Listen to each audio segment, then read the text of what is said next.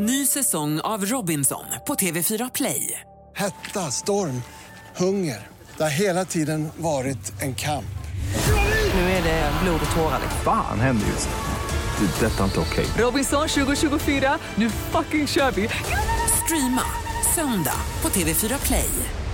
Hallå där, det är jag som är Lotta Bromé och det här är ett inslag från Halv tre med Lotta Bromé på Mix Megapol. De största inom den svenska musikhistorien väljs in i Swedish Music Hall of Fame. Namn som ABBA, Cornelis, Carola, Europe, Roxette, Max Martin finns redan med där. Och idag så tillkännagavs att också du då Petter har blivit invald. Stort grattis! Tack så hemskt mycket. Hur rankar du den här utmärkelsen? Eh, jag vet inte. Jag rankar det nog mer som att det är ett fint kvitto för eh, alla dessa år som jag har hållit på med det här. Jag firar typ 25-årsjubileum nästa år så att eh, på, på, så sätt så är det väl en, ja, men det är väl en fin utmärkelse så. Absolut, jag hamnar i ett fint sällskap också så jag. Ja verkligen, Soundtrack of Our Lives, Monica Tunnell, Britta Borg och Lars Gullin valdes in idag då tillsammans med dig. Alltså det är ett stort gäng det här. Absolut. Eh, kravet för att man väljs in då det är att man ska ha skivdebuterat för minst 20 år sedan, så du fyller ju det kravet.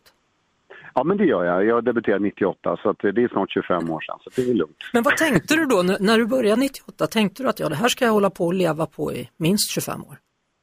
Eh, det är en jättebra fråga. Jag, jag, eh, jag, tror att jag tänkte att jag hoppade av studierna på konsthistoria och tänkte att jag hade möjlighet att göra en skiva. Så tänkte att det gick rätt bra i skolan där för första gången. Och då, då var min idé liksom att jag gör den här skivan så får vi se vad som händer. Funkar inte det så har jag i alla fall gjort en skiva. Det kan vara ett kul minne att ha liksom någon gång sådär. Eh, sen så fortsatte ju det där och då tänkte jag kanske att jag skulle göra tre skivor och det var en bra målsättning. Och sen så, ja, du förstår själv, det, är bara, det har varit ett ekorrhjul liksom. Vi har fortsatt hela tiden. Mm, och var befinner du dig nu vad gäller musiken?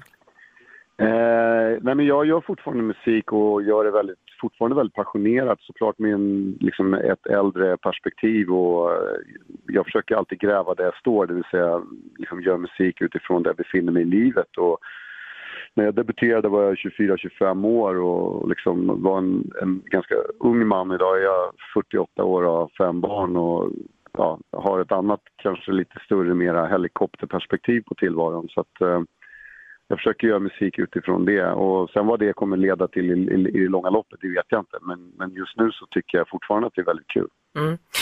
Jag är så glad att jag fick ringa till dig, för jag förstod på din skivbolagsrepresentant att du har, ett, du har liksom inte ett minutiöst schema utan det är snarare på sekundnivå, är det så? Ibland är det så. Och det har varit så ganska mycket nu efter eh, just pandemin, för att det blev det blev på något sätt som när allting öppnade upp så blev det så att man tackade ja till ganska mycket. Dels för att man kände en plikt att göra det men också för att det är så många som, som behöver jobba och vänta på att jobba. Och, och på något sätt så hann man liksom inte riktigt se över schemat så det blev en enda stor eh, kalops utav alltihopa. Eh, så nu, nu är det någon sista vecka här, sen ska jag faktiskt ha ledigt i två veckor vilket är jätteskönt. Mm, och vad händer efter de två veckorna?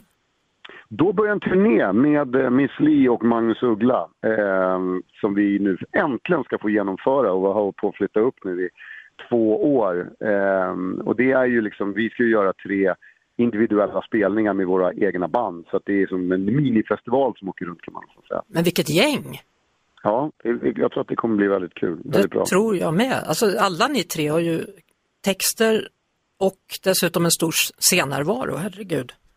Ja, nej men det jag är jättestolt att få åka med de två. Jag ser upp till dem båda två väldigt mycket. Eh, jag tänkte på det du sa, 48 år, fem barn, du var betydligt yngre när du började. Du har hjälpt Benjamin Ingrosso på senaste plattan, på hans senaste. Om jag har hjälpt honom? Eller vad kallar du det för? Du är i alla fall med. Vet, vi, har, vi har gjort en låt ihop faktiskt, mm. den egentligen till min skiva, men vi har samarbetat med varandra. Men det är väldigt kul just att du nämner Benjamin Ingrosso, för han är ju också en ny sån här riktig jävla superstjärna i, i Sverige, ursäkta mitt ordspråk där. Men, men han, han, det roliga var att han dansade en gång i tiden eh, i en video som heter Det går bra nu 2006 och då var han bara en liten, liten pojke. Och nu så gjorde vi en låt då senast som heter Komma över dig, eh, vilket jag är väldigt glad över att vi liksom på något sätt fick knyta ihop säcken så här många år senare när han nu är en vuxen man. Ja, härligt. Ja. Härligt att göra saker ihop, det är alltid kul. Ja. Eh, Stort tack för att vi fick eh, gratulera dig och ha så jättekul på sommarens turné. Tack så hemskt mycket. Vi hörs såklart igen på Mix Megapol varje eftermiddag vid halv tre. Ett poddtips från Podplay. I fallen jag aldrig glömmer djupdyker Hasse Aro i arbetet bakom några av Sveriges mest uppseendeväckande brottsutredningar.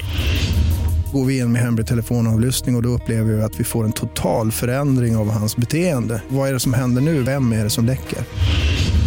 Och så säger han att jag är kriminell, jag har varit kriminell i hela mitt liv men att mörda ett barn, där går min gräns. Nya säsongen av Fallen jag aldrig glömmer på Podplay.